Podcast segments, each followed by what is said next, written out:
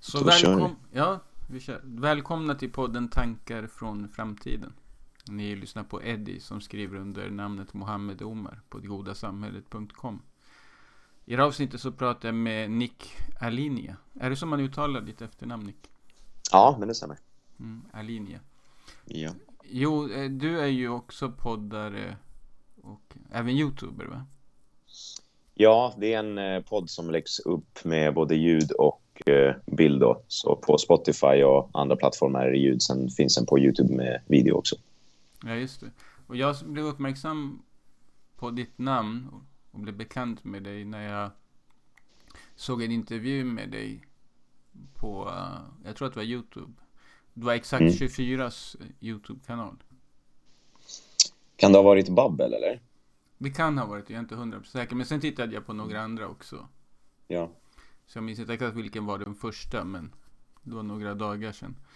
ja. För Exakt 24 har han inte varit med på, utan det är eh, Babbel. Men det var med Erik Almqvist. Ja, just det. Ja, precis. Ja. Erik Almqvist.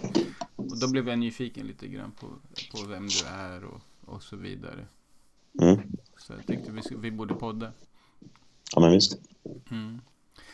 Det, eh, hur, hur liksom, du har ju berättat det här förut förstås, men inte för mina lyssnare.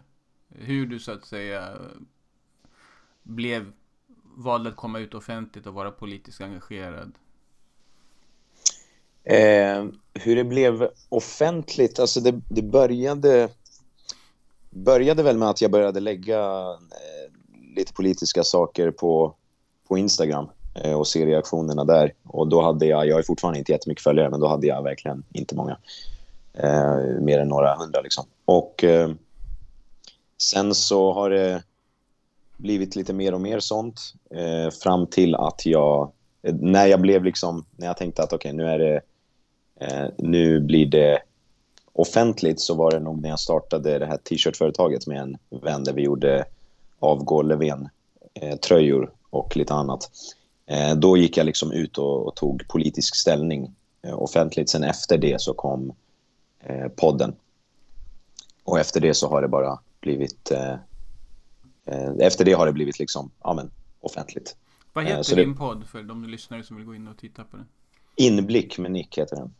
Inblick med Nick, ja just det. Och hur skulle man beskriva din liksom, din, eh, eh, din liksom, din, din, din politiska position? Eller ditt perspektiv? Jag själv är ju ganska... Eh, eller jag, jag skulle säga att jag är ekonomiskt väldigt höger. Eh, jag, är även, jag tycker även det är väldigt viktigt med yttrandefrihet och eh, frihet överlag. Eh, något jag värdesätter väldigt högt. Samtidigt som jag vill ha ordning och reda. Så jag är väl en blandning av höger, frihetlig och konservativ. Men det, jag skulle inte säga att det märks av jättemycket i just podden därför att där är det mer frågor till gästen som jag har med. Och jag är öppen för att ha med alla, men har man med folk som ses som höger så är det sällan några från vänstern vill vara med efter det. Eh, men jag är öppen för att ha, ha med alla.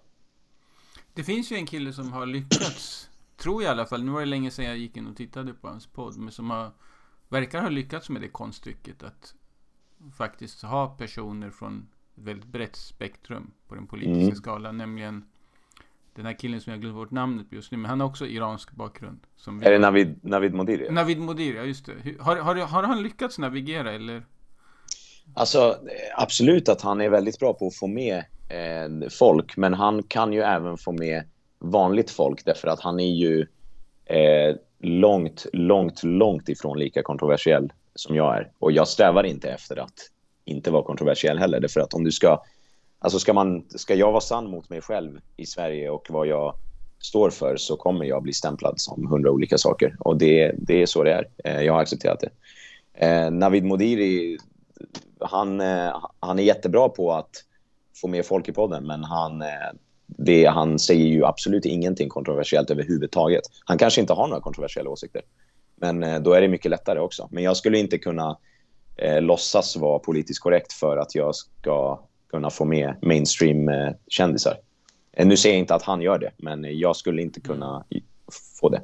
Nej, jag förstår precis vad du menar. Det är liksom, mitt intryck är att hans gäster är ofta eller nästan alltid mer intressant än vad han själv är. Just för att Mm. hans åsikter är ganska förutsägbara. Han har som du säger inte, han sticker inte ut liksom. Med någon kontroversiell åsikt. Utan är ofta, han är ofta så att säga, så att säga, så säga den genomsnittliga lyssnarens röst i de där samtalen. Absolut, absolut. Jag har aldrig hört honom säga någonting som jag har tänkt så här, oj, hur vågade han säga det där liksom. Men sen kanske han bara har sådana åsikter. Han kanske är liksom vanlig svensk liberal eller vad han kallar sig. Mm. Men eh, när, när det kommer till dina så, så kallade kontroversiella åsikter, vilka är det du tänker på då? Ja, det är... Alltså, i Sverige är ju... Det beror ju på vem man frågar. Nu har det ju blivit mer och mer...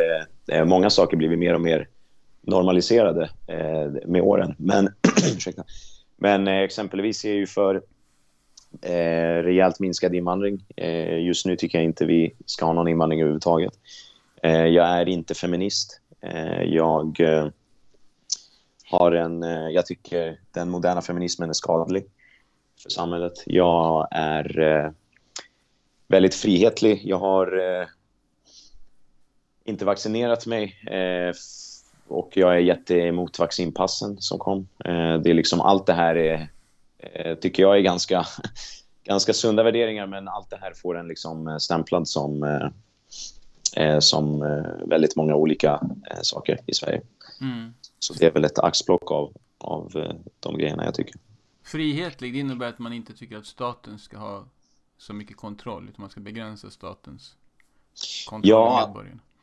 Ja, alltså jag, jag tycker ju att staten ska finnas och ha väldigt mycket... Eh, den ska göra väldigt... Eh, den ska sköta sina uppgifter eh, väldigt hårt dessutom. Jag är för ett hårt polisväsende när det gäller eh, liksom, brott och såna här saker. Men sen ska de inte lägga sig i... Jag är för jättehårda straff till exempel för våldsbrott och sånt.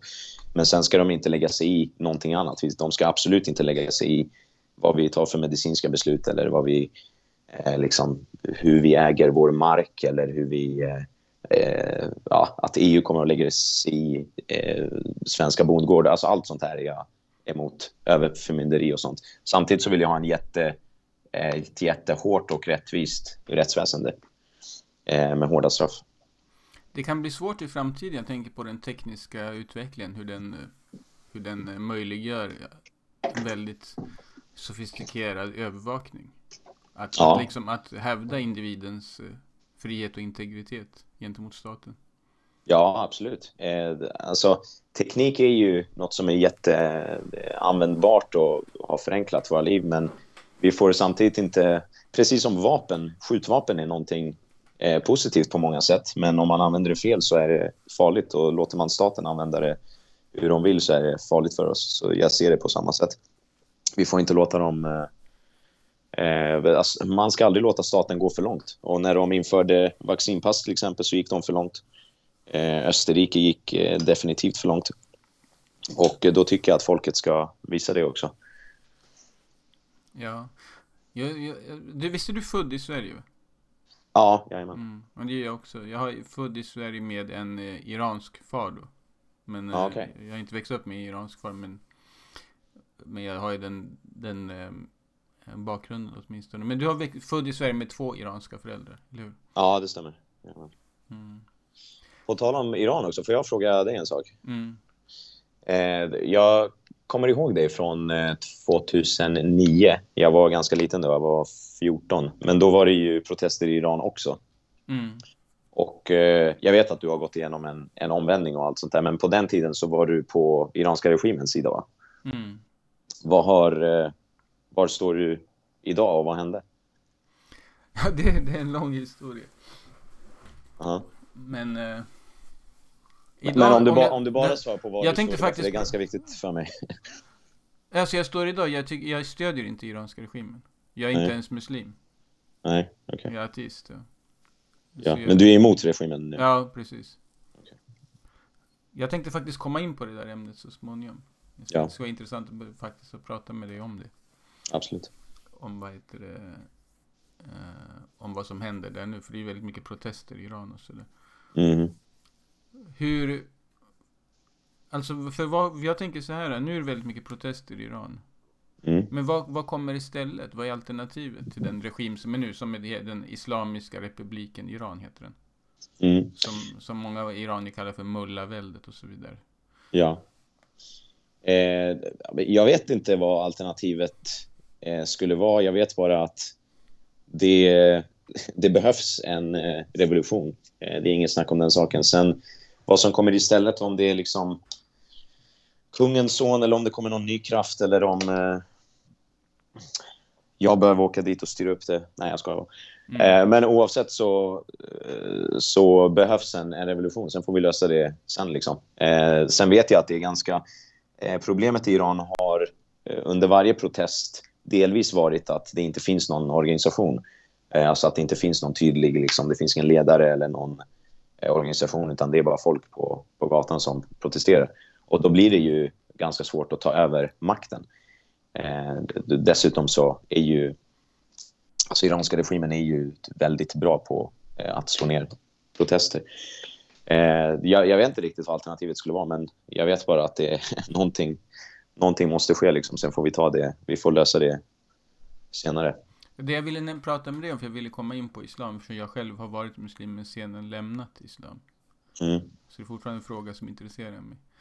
Ja. Det, det, är att det är någonting som, är, som gör att just iranier sticker ut. Mm. För att till exempel i arabländer så finns det många som är kritiska mot islamism, kritiska mot muslimska brödraskapet, mot al-Qaida, IS och så vidare. Mm. Men det har aldrig förekommit i något arabland, vad jag känner till. Att man har bränt slöjor och att man har ropat slagord mot själva religionen islam. Mm.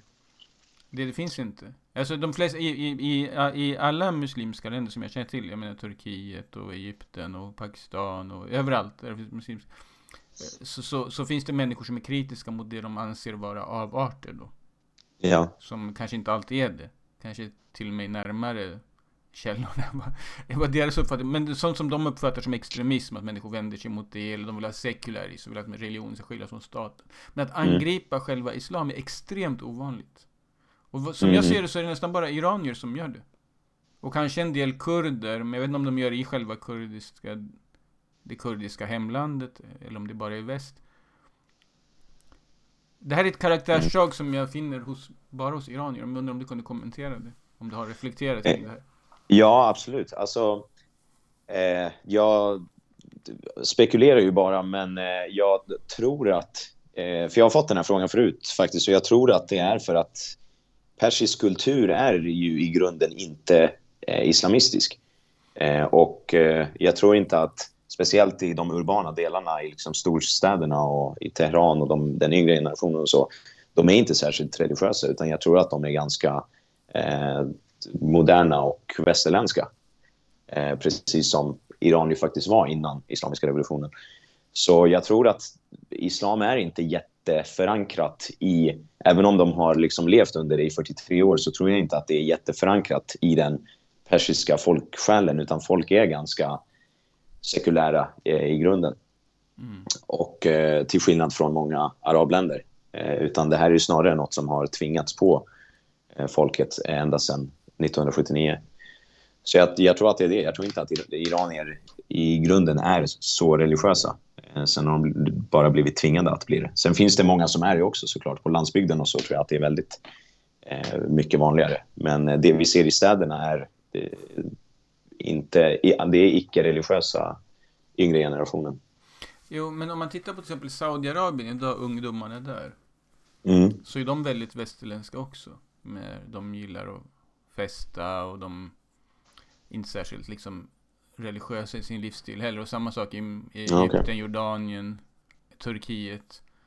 Men, ja. de, men de har ändå den här kärleken till islam och den här respekten att man aldrig någonsin får kränka själva religionen islam och Mohammed och Koranen. Sen mm. lever de som de vill ändå på något sätt. Ja. Men, men alltså jag har så dålig koll på, på de länderna, men är inte Saudiarabien eh, ganska hårt styra också? Ja, eller, varit, eller får har, man fästa det? De har börjat med mer och mer släppa, de har börjat liksom Den nya generationen är väldigt västerländsk och sådär och nu de senaste åren så har de öppnat upp för konserter, biografer, kvinnor kan köra bil och så vidare. Ah. Okay. Ja, för men, sånt där förekommer väl inte i Iran än, som vad jag vet? Eller gör det? Jag vet faktiskt inte, men jag tror inte det är öppet i Iran. Men, de, men. Iran har ju alltid haft mer, vad ska man säga, ja men det finns ju musik i Iran, det finns ju en filmindustri. Mm. Eh, som är liksom så att säga sanktionerad av regimen. Den är inte liksom regimkritisk. Filmindustri. Nej, nej, nej, precis. Exakt. Och de gör mycket propaganda och sådär också. Men de gör en del konstnärlig bra film också. Ja, just det. För att, så, de, så länge de håller käften så att säga. Ja, men precis. Nej, men jag tror att det är det att de här länderna som... Eh, alltså nu vet jag väldigt lite om dem, så jag ska inte säga någonting. Men liksom Jordanien och de här länderna, som jag förstår det, är väl de ganska mycket friare än Iran är. Och då kanske man inte får samma liksom, avsmak för eh, ett religiöst styre och religion som Men iranier har fått. De behöver inte göra det här valet, att välja mellan islam eller sekularism, just för att eh, Nej, de har precis. den här möjligheten att kalla sig muslimer Ja, eh, och liksom fira id och gå till moskén. Men samtidigt har det inga riktiga konsekvenser i deras vardagsliv genom lagar och begränsningar. nej, precis. Och det ser jag utan att veta allt för mycket. Det är bara en... Ja, det kan- det kan vara en tanke, ja. Jo, nej, för jag tycker de flesta, jag har ju träffat väldigt många muslimer från många delar av världen i Sverige. Mm. Eh, och jag, jag tycker just att iranier framstår då som unika på det sättet att där, de, jag menar, inte, ens bland, inte ens bland afghaner som har lidit under talibanerna hittar du människor som angriper islam som frontal angrepp mot själva religionen islam i så stor omfattning som bland iranier. Nej, nej, men jag håller med. Eh, jag, jag tror att... Eh, jag har eh, tyckt att iranier skiljer sig mycket eh, från andra folkgrupper. Eh, även i Sverige, liksom. Så det, det ligger absolut något i det. Mm. Men vad tror du att de här protesterna kommer För det är ju många gånger, det har ju varit protester i Iran många gånger, många vågor. Och regimen Mm. lyckas alltid hålla sig kvar. Ja. Vad, vad jag tror det kommer utmynna i den här gången, eller? Mm. Alltså, ja, det har blivit lite av en, eh, en, eh, en meme eh, bland iranier. Jag känner här att man säger att ah, men om två månader är de här borta för att alla sa det 2009 liksom, och sen händer det aldrig. Eh, men eh, så, så jag vågar liksom inte... Ja, varje gång det händer så vågar jag liksom inte bli för hoppfull utan jag vet att eh, det är väldigt, väldigt svårt att eh, slå ner det här styret. Eh, och eh, jag, jag vågar liksom inte hoppas på att det ska hända så mycket mer. Men, eller det är klart jag hoppas på det, men, men det är inget jag, jag förväntar mig. Eh, jag, om jag ska vara realistisk så tror jag att så har jag svårt att se att det skulle bli en revolution nu. Men eh, jag är glad för varje protestvåg som kommer och jag har enorm, enorm respekt för dem som vågar göra det. För de riskerar bokstavligen sina liv och många ger sina liv för det också. Men Eh, vilken men- Mm, förlåt. Ja, nej, men, eh, men samtidigt, alltså, det skulle, skulle tillräckligt många börja vända om och skulle liksom armén eh, börja känna att det är kört och vända om Eh, så tror jag att då, då finns det hopp. Liksom. Därför att det är ofta skjutvapen, tillgången till skjutvapen som avgör sådana här konflikter. Eh, och så skulle armén vända sig eh, med folket, då, då skulle mitt hopp gå upp rejält. Men eh, det, det ska mycket till. För vi har ju även något som heter revolutionsgardet eh, där borta som förmodligen aldrig kommer eh, vända för de har alldeles för mycket ekonomiska intressen och så vidare i att regimen är kvar. Men skulle den vanliga armén delar där vända sig så då, då kan det hända grejer. Mm. Men tror du att det här äh, att man öppet uttalar sig mot religionen islam, att det kan vara någonting som hindrar en revolution från att få större folkspridning? Att många kan vara tveksamma till att man vill så att säga vända sig mot regimen men inte mot islam. Eh, jag har faktiskt inte hört så mycket eh, kritik mot just islam. Vad är det du har hört från Iran? tänker- alltså, är det slagord och så eller? Ja, men med att bränna slöjan och så.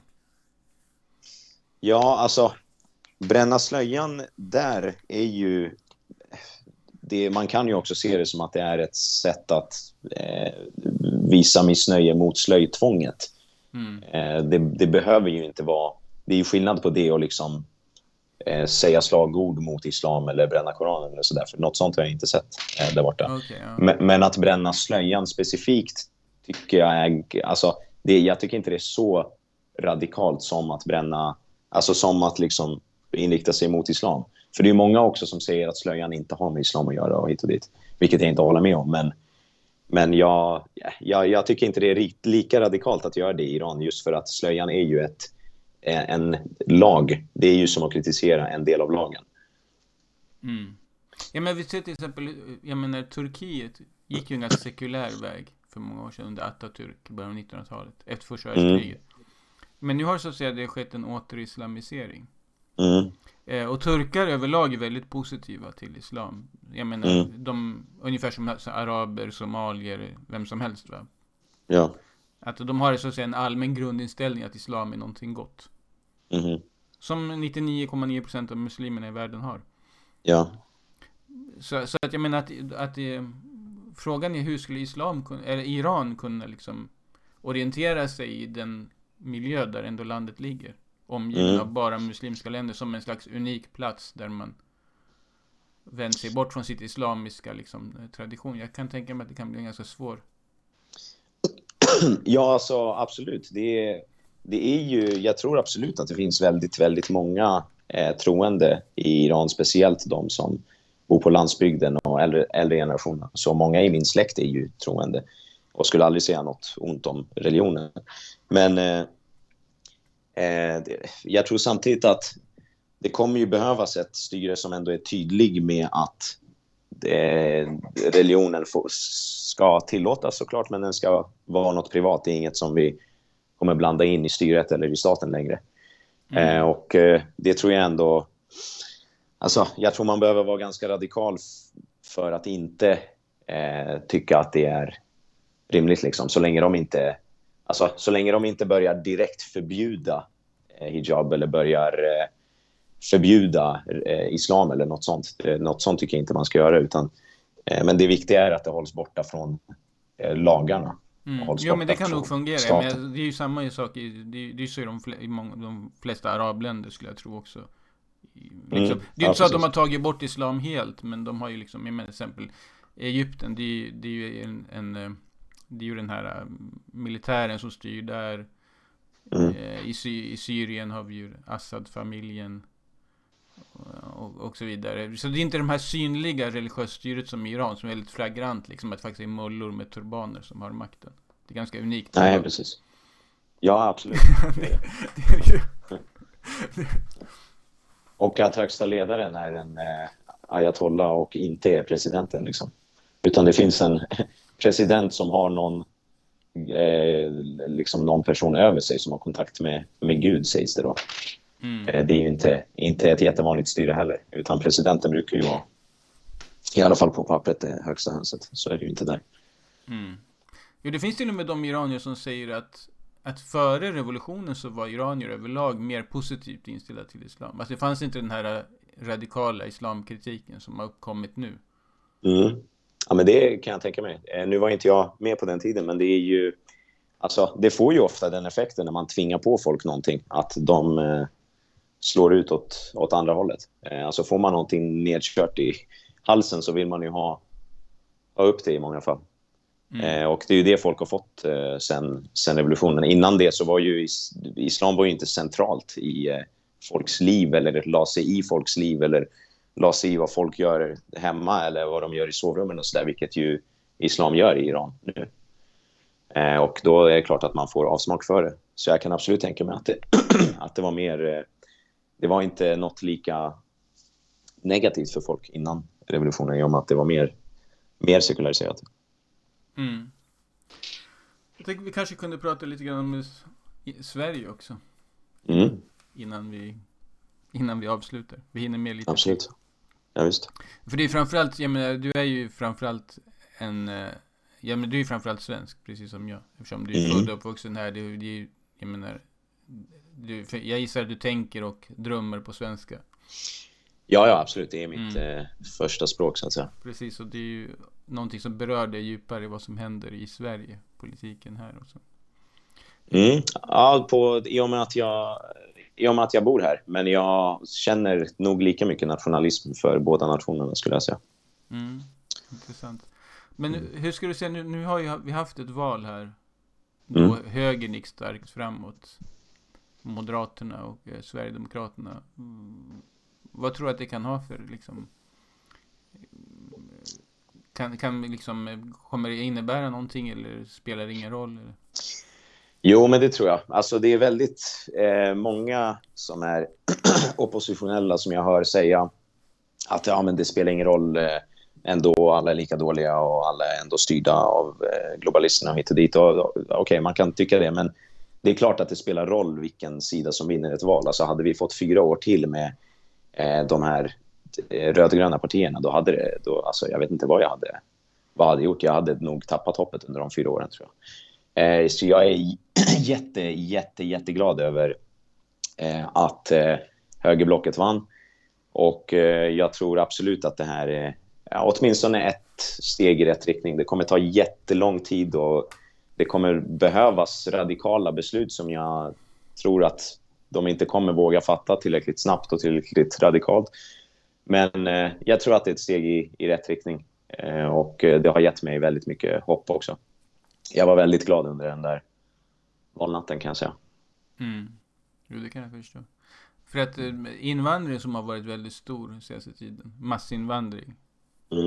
Uh, jag menar, det är någonting som inte går att förändra över... Det kommer ta lång tid att förändra. Det är en väldigt lång ja, process. absolut. Mm. Den kommer ju inte gå att...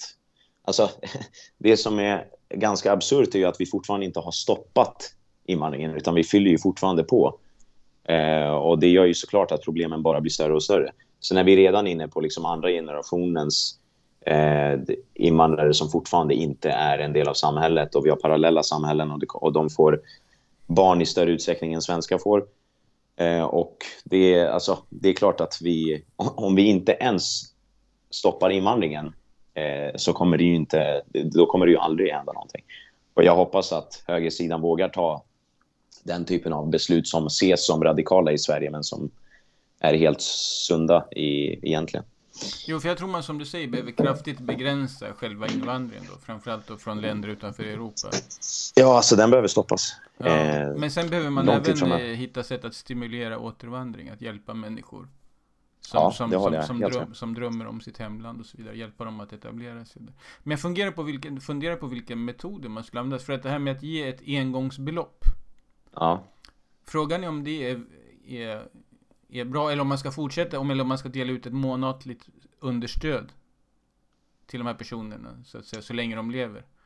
Alltså även när de är i hemlandet? Ja, för jag har min upplevelse ändå att Alltså de flesta, eller väldigt många, nu har inte jag någon statistik framför men väldigt många under en period jag var muslim, där jag kände många invandrare från muslimska länder och så vidare.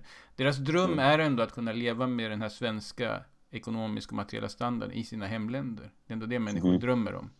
De har mm. liksom kände sig liksom att de har tvingats komma hit på grund av att de inte kunde ha en så bra levnadsstandard i hemlandet. Men att de känner att de behöver offra mycket av sin kultur, mm. sin religion genom att leva här. Så liksom den perfekta lösningen för dem skulle vara om man kunde få bidrag som upprätthåller en svensk levnadsstandard i till exempel Somalia eller Irak mm. och så vidare. Ja, alltså oavsett om vi skulle ge ett engångsbelopp eller eh, liksom försörja dem med, med någonting. Nu, principiellt känns ju väldigt fel att försörja dem livet ut i hemlandet. Men, men oavsett om det skulle vara ett engångsbelopp eller om det skulle vara ett väldigt, väldigt stort engångsbelopp så kommer det ju vara en plusaffär eh, förmodligen. Eller det kommer nog vara en ganska enorm plusaffär. Eh, men samtidigt, alltså innan man ens börjar prata om återvandring av stora mått och så där, för jag är för det också. Eh, men vi är ju inte ens där än i Sverige idag där vi med konsensus vill utvisa grovt kriminella invandrare. Mm. Inte ens där är vi nu. Till och med när det finns utrymme i lagen så är det ju många gånger man läser domar där det står att ja, åklagaren yrkade inte på utvisning ens. Mm. Fast det fanns utrymme för det. Så bara där har vi ju ett enormt problem. Alltså hur kan vi inte, hur kan inte alla, inklusive alla åklagare eh, och hela rättsväsendet och alla i folket vara överens om att vi vill ha ut någon som kommer hit och våldtar någon till exempel. Inte ens där är vi idag. Det finns ju en undersökning som visar att det finns ett stort folkligt stöd för det. Ja, Och det absolut. borde ju egentligen vara en självklarhet, tycker jag, och säkert du också, liksom att varför anser inte 100% av det? Jag menar personen själv som inte blir utvisad undrar säkert varför blir inte jag utvisad? Ja, jo, jo. Jag tycker absolut att du, du skulle ha blivit det på, på den tiden. Eller i och för sig, du, du, är, du var född där, så det kanske är svårt att göra. Men, men eh, men äh, alltså, jag, jag tycker att även sådana grejer, alltså kommer någon hit och stöttar iranska regimen tycker jag inte man ska vara kvar här heller. Då är det liksom... Det, men, om vi, men jag skulle vara nöjd om vi började på eh, den nivån att vi åtminstone började utvisa grovt kriminella och Mm. sen utvisa bara kriminella och sen utvisa folk som inte, eh, ja, som inte vill anpassa sig rent socialt och inte vill jobba och inte vill göra allt det här. Men vi är ju inte ens där där vi kan med enkelhet säga okej, kommer man hit och begår ett grovt brott så åker man ut direkt. Så är det ju inte ens idag. Och även om de får utvisningsbeslut så verkställer vi det inte utan de hänger kvar och de hinner... Eh, hur många har vi inte hört som har eh, fått utvisningsbeslut och sen gått och begått ett till brott? Mm. Det är liksom, alltså, det är så otroligt, otroligt pinsamt och dåligt hanterat. Att eh, ja, det är många som behöver ställas till svars. Men är de inte grejerna. orsaken till detta att det är för jobbigt att verkställa utvisningar? Ja, alltså det är, det är många grejer som är... Det är jobbigt att enforce, enforce law liksom. Men eh, det måste man göra. Eller hur menar du att det är jobbigt med att, att verkställa? Ja, alltså hur är det jobbigare för det än att det- verkställa ett fängelsestraff? Ja. Men för jag tänker att landet där man skickar måste ta emot personen också. Ja, alltså... Du måste ju jag menar, jag tror inte man bara kan dumpa en person i ett annat land liksom. Jag tror... Alltså samtidigt, jag tror att om man vill lösa såna här grejer så går det att lösa. Jag menar, Ja. om, ett, om inte det landet vill ta emot dem då. För det första ska de inte ha kommit hit från första början, men sen om de är här, begår brott. Om vi då skickar dem till ett eh, samma land som inte vill ta emot dem, så man väl antingen förhandla med dem, ge dem någonting för det, vi kommer ju oavsett gå plus på det. Eller Mm. så sluter man avtal med något annat land som är beredd att ta emot dem för pengar. Jag vet att, jag menar, Australien har väl gjort sådär med... Jo, jo, men jag vet att det finns en lösning, men jag tänker att den finns inte på plats just nu. Så jag menar för en enskild domare att döma till en utvisning. Mm. Eh, när det inte finns, låt oss säga, en... Eh, när, det inte finns en när, när det inte finns en metod. Att liksom... Nej, men, men samtidigt, vi har många åklagare som inte ens yrkar på utvisning. Så då kan, man inte ens, alltså, Ah, då, kan inte, då kan processen inte ens börja. Och det innebär ju att, alltså det eh, avslöjar ju att det finns aktivistiska åklagare. Eh, förmodligen vänsteraktivistiska åklagare i rättsväsendet. Jag menar, varför skulle man annars tänka att okej, jag ska inte yrka på utvisning på den här personen som har våldtagit, eh, överfallsvåldtagit en kvinna? Mm. Det finns liksom... Det, jag skulle, det enda anledningen, anledningen jag kan se att de har tänkt att ja, men det är synd om personen för att den kommer råka illa ut i hemlandet. Jaha. Vad, hur, hur är det vårt problem? Och hur är det den kvinnans problem som blev våldtagen? Någonting som jag funderat på som du kanske kan hjälpa mig med, psykologin bakom det. Varför man så gärna vill att människor ska bo just i Sverige. För att få hjälp. Det, det, det, Ja. det kan inte jag förstå, för det där har jag också sett hos människor som till exempel är mer benägna. Alltså om du säger till de här vänsteraktivisterna att eh, du kan skicka tusen kronor av din lön till den här personen så kommer han kunna leva lyckligt med sin familj i Afghanistan och slippa Mm. separeras dem och så vidare. Skicka Mm. tusen kronor varje månad så kommer man kunna leva bra där. Eller vill du att du ska komma hit och bo på en flyktingförläggning och sen eh, leva på SOS i 20 år och gå på SFI och så vidare och vara separerad från sin familj. Mm. Tyvärr kommer de flesta att tycka att det är bättre att han kommer hit och lever i en flyktingförläggning i en mörk skog i Norrland. Separerad Mm. från sin familj och sin kultur och sen gå på SOS i många år och SFI och allt det där och kanske få ett skitjobb liksom i Sverige. Än att Mm. han skulle leva lycklig i sin familj och den där vänsteraktivisten kunde skicka en tusenlapp till honom liksom varje månad. De vill inte det. Alltså det är ju främst för att folk eh, är ju väldigt, speciellt vänster, känslosamma vänstermänniskor är ju väldigt bra på att godhet signalera för att verka, de, de vill verka goda och sen när det väl är liksom, okej, men hade du själv kunnat göra någonting, till exempel ta in en, en flykting i ett hem eller så, så kommer de inte göra det eh, i de allra flesta fall. Mm. Och, eh, men, men det ska, ja, lasten ska vara på samhället, men de själva kommer, kommer inte göra det för att de är hycklare. Liksom. Eh, och eh, jag menar, jag klandrar dem inte för det. Jag hade själv inte tagit, förmodligen inte tagit in någon i mitt hem eh, som jag inte känner. Men eh, det, det, det är godhetssignalering. Och när det väl kommer Mm. till kritan och man kan göra något själv så gör man inte det. Jag får känslan att för många är drivkraften mera att förändra Sverige. De bryr sig egentligen mer om Sverige än de här länderna där invandrarna kommer ifrån. De vill förändra Mm. Sverige i en viss riktning. De har en vision om hur Sverige ska bli. Och de har, Mm. de har också någon slags antipati mot den här homogeniteten, den gamla kulturen och så vidare. Så de vill förstöra den. Det är mycket det som är drivkraften tror jag snarare. Spekulation från min sida än att liksom att hjälpa de här människorna. För då skulle ju en Ja. bättre lösning vara att de bara samlar in pengar och skickar dit där de är. Jo, visst. Men du menar att deras agenda är att ändra Ändra Sveriges Sverige, jag tror, jag, jag tror det, att ändra, att ändra så att det ska bli ett annat land, ett annat sätt. De vill bekämpa rasism som de säger. Ja, jo, jo. De vill bekämpa jo, alltså. människors sätt att tänka, de vill, de vill förändra sättet, alltså det är någonting Så det är mer egoistiska, eller vad man ska säga, själviska drivkrafter. Att typ det land de vill ha, som de vill leva här. Deras, Ja. Det är viktigt att de tänker inte så mycket på livet där borta, att de ska vara lyckliga med enskilda individerna. Men samtidigt så bor de ju, alltså vänsterfolk, i alla fall politiker och så, de bor ju sällan i mångkulturen själva. Mm. Eh, fast alltså de som gör allra mest för att eh, få hit så mycket mångkultur som möjligt bor ju väldigt sällan i mångkulturen. Ja, nej, Det finns väl ingen i. liksom. Men då skulle man kunna säga, då kanske det är antipati som driver dem. Alltså någon slags Mm. motstånd mot det här... äh, För det märker man ju till exempel i kulturvärlden, i film och underhållning, att de vill hela tiden ta bort de vita männen, ta bort och så vidare. Mm. Fi- Hierarkier, ta bort liksom att män är män, kvinnor är kvinnor. Så de har den här... äh, det- de vill montera ner det här som har Ja. varit tidigare, liksom det traditionella. Mhm. Kärnfamiljen och allt det där. så det kan vara en del av det också, de ser invandring som ett sätt liksom att, att förstöra det som de inte gillar. Av det hur Europa var och så vidare. Jo, jo, alltså så är det ju. Det, är ju alltså, det finns ju väldigt, väldigt starka krafter som vill, eh, som du säger, montera ner allt som är stabilt och bra och eh, liksom tryggt. som vill göra, eh, alltså, som vill göra att barn inte ska veta vilket kön de har och vill att eh, män ska bli svaga och eh, liksom överdrivet känslosamma och inte modiga och liksom ja, men, eh, bli bara sämre människor. Antagligen för att det är lättare att kontrollera en sån befolkning. Eh, om man inte vet vad man har för könstillhörighet eller vad man, om man inte känner någon kärlek för sin nation eller för sitt folk eller eh, inte ser eh, styrka och mod och heder och såna här saker som en dygd, då, alltså, ett sånt samhälle är eh, mycket mindre stabilt och jag, det är tydligt att det är krafter som vill ha det så.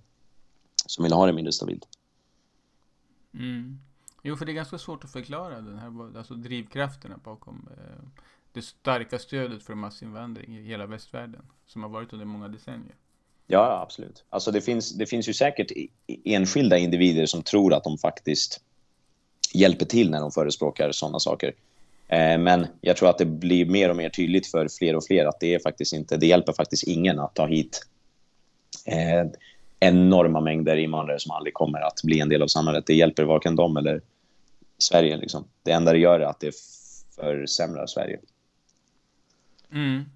Jo, jag menar det är många också invandrare som inte mår bra, som hellre skulle vilja leva i, i, i sitt hemland, men de känner sig liksom, de, är, de känner sig tvungna att komma. Det är precis som att man tar ett skitjobb, va? man vill inte ha ett skitjobb.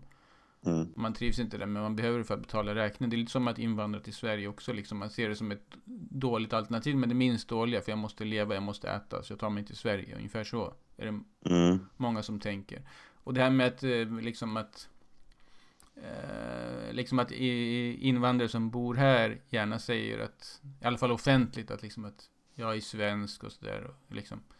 Men det är ungefär som att om du är på ditt skitjobb liksom, du, du måste komma dit varje dag, du har inget val. Mm. Mm. Eh, om du skulle säga till folk, jag hatar mitt jobb, då skulle folk säga, men du behöver inte gå och jobba, du kan gå härifrån. Mm. Så det är ingenting du vill säga. Du spelar hellre med, du tycker att det är ett skitjobb men du håller skenet upp och låtsas att du Att du Mm. bryr dig om jobbet ändå, för att du behöver det. Ja, absolut. Och det är lite den Sant. psykologiska sitsen där invandrare befinner sig också. De kan ju liksom inte säga högt att de inte gillar det här landet, för då säger folk liksom såhär, men åk hem. Samtidigt måste Mm. de vara här för att de måste överleva. Mm. Samtidigt så ger vi ju väldigt mycket incitament för att man ska komma hit. Eh, Och det är ju det vi måste sluta göra också. Eh, Det är ju, alltså, Sverige har ju ett rykte av att vara ett bidragsparadis. Och eh, vad, vad vinner vi på det liksom? Vad vinner vi på att ge bidrag överhuvudtaget? Mm. Det finns ingen, inte mycket att hämta där. Men nu är, det, nu är det många eh, inom det här partiet Nyans, ett nytt parti, som framförallt vänder sig till muslimer. Mm. En av deras viktiga eh, punkter är ju det här med LVU. Att socialtjänsten omhändertar barn. Mm, just det. Vilket på, och då har socialtjänsten svarat och eh, andra försvarare av den att nej, vi, gör, vi omhändertar barn enligt eh, riktiga grunder. Ja, Men saken är ju den att det kom, från ett muslimskt perspektiv så, så är inte det riktiga grund. Det spelar ingen roll vad lagen säger. För det är ju inte fel till exempel att aga ditt barn enligt islam. Nej. Det är ju inte fel heller att du begränsar din dotters frihet och säger att du ska vara hemma i skolan, inte träffa pojkar och så vidare. Det är ju rätt. Mm. Det, det som är fel är ju att hon ska dejta killar och så vidare. Det är det som är felaktigt. Mhm. Så där, där, där har de liksom, det är som att de inte hör varandra. Muslimerna säger ni omhändertar våra barn, vi är arga på dem det. Mm. Och de socialtjänsten, men vi har ingenting fel, de har ju slagit sina barn. Förstår du vad jag menar? Ja. Ja, visst. de talar förbi varandra helt och hållet. Ja, absolut. Och det är ju ytterligare ett tydligt exempel på varför det inte funkar att leva i ett västerländskt land om man ser sin religion som viktigare än det landets lagar. Eh, det, det funkar inte. Och eh, det går inte att ha såna människor här som tycker att det är eh, att de står över lagen. Liksom. Mm. Att deras religion står över lagen, för det, det gör den inte. Och det ska den aldrig göra i Sverige. Eh, utan då får man bo i ett land där som tillåter sådana saker. För det ska vi inte göra här och kommer förhoppningsvis aldrig göra här heller. Nej, precis. Och den här lagen ändå med LVU, alltså socialtjänsten, att de faktiskt omhändertar barn som man anser inte blir uppfostrad. Mm. Alltså som lider. Man anser att de blir, de, de åsamkas lidande. Alltså det är inte barnets bästa att leva i de familjerna. Mm. Det är på något sätt en, eh, en självmotsägelse. För samtidigt tror jag socialtjänsten som alla andra myndigheter ändå har den här eh, mångkulturen i sin, som en del av sin värdegrund. Ja, visst. Men där Absolut. säger man ju i, i, i praktisk mening säger man att vi är emot mångkultur. För vi är emot att de tillämpar sin kultur på sin, upp, Mm, i sin mm. uppfostran. Mm. Ja, det är en paradox. Det är precis som religionsfrihet. Alltså, vi har ju inte religionsfrihet egentligen, för du får inte utöva din religion hur du vill. Därför att många sätt, om du skulle utöva Gamla Testamentet eller eh, Koranen eller så, så skulle du ju begå allvarliga brott. Så det är klart att vi inte, du får inte utöva din religion hur du vill. Så då har vi inte total religionsfrihet. Nej, Eh, och precis, vi- eftersom, eftersom religionsfriheten är begränsad av den sekulära lagen. Precis som Ja, mångkulturen är också begränsad av sekulära lagen, som är då den Precis. västerländska, den svenska lagen. Precis. Eh, så det, det är liksom, ja, det är, om man, om man ska förespråka mångkultur men samtidigt upprätthålla Sverige så som det är, så det, det funkar ju liksom inte. Därför är det mycket lättare för oss som öppet säger att vi är emot mång- mångkultur eh, och vi är även emot att man, ja, vi är även emot de här negativa sakerna med, med mångkultur. Eh, Det blir väldigt mycket lättare. Det är lätt att trassla in sig när man liksom ska visa sig god och förespråka eh, mångkultur och vara väldigt tolerant mot intoleranta saker och sen så ja, då slår man knut på sig själv och det är det socialtjänsten också gör. Jo, för det blir som att de säger vi accepterar mångkultur, men då definierar de ju kultur på ett sätt som är något nytt. Va? De tar bort Ja. lagar och regler, sedvänjor, allting som inte stämmer med en modern svensk eh, Mm. moraluppfattning och rättsuppfattning och modern svensk lag. Ja, Så man liksom reducerar kulturbegreppet till nästan ingenting. Att det är bara ett namn, att jag känner mig som turk, jag känner mig som somalier. Det är i stort sett Mm. det det betyder. Ja. Jag kan samtidigt säga att jag är väldigt mycket för att man ska få uppfostra sina barn eh, alltså som man vill och jag tycker man ska göra det med, ursäkta, med disciplin och med eh, alla sådana saker. Men eh, alltså barnaga och, och såna här grejer och liksom tvångslöja och sånt här, det är saker som inte ska finnas i Sverige. Vi ska inte ens behöva ha de problemen att eh, ta itu med. Eh, de ska inte ens, vi, vi ska inte ens behöva tänka på sådana saker i Sverige tycker jag. Mm. Eh, jag vill inte ha de problemen här. Eh, så att det, liksom, det, det passar inte in i svenska samhället och det ska inte finnas här. Och vill man göra sånt så får man bo någon annanstans. Så enkelt är det. Mm. Ja, Nick Hallin, men det var intressant att prata om det. Jag blev så, det finns så Ja, mycket jag skulle vilja prata om. Och jag blir väldigt sugen på att fortsätta vårt samtal. Men som sagt, det är ju... Jag skulle vilja prata mer om det med partiet Nyans och Islam och... Ja, men det Sveriges kanske vi kan göra vid, vid tillfälle. Jag har, ju, jag har ju en podd också som du vet. Mm. Ja, Så eh, det skulle vi kunna göra. jo, men jag hoppas och ser fram emot att det blir, blir fler, fler samtal. Ja, ja men Men nu har i absolut. alla fall lärt, nu har i alla fall det goda samhällets poddlyssnare fått bekanta sig med dig. Ja, ja men roligt. syftet. Okej, tack så Roligt. mycket Nick. Tack själv. Ha Mm. det så bra. Tack, hej.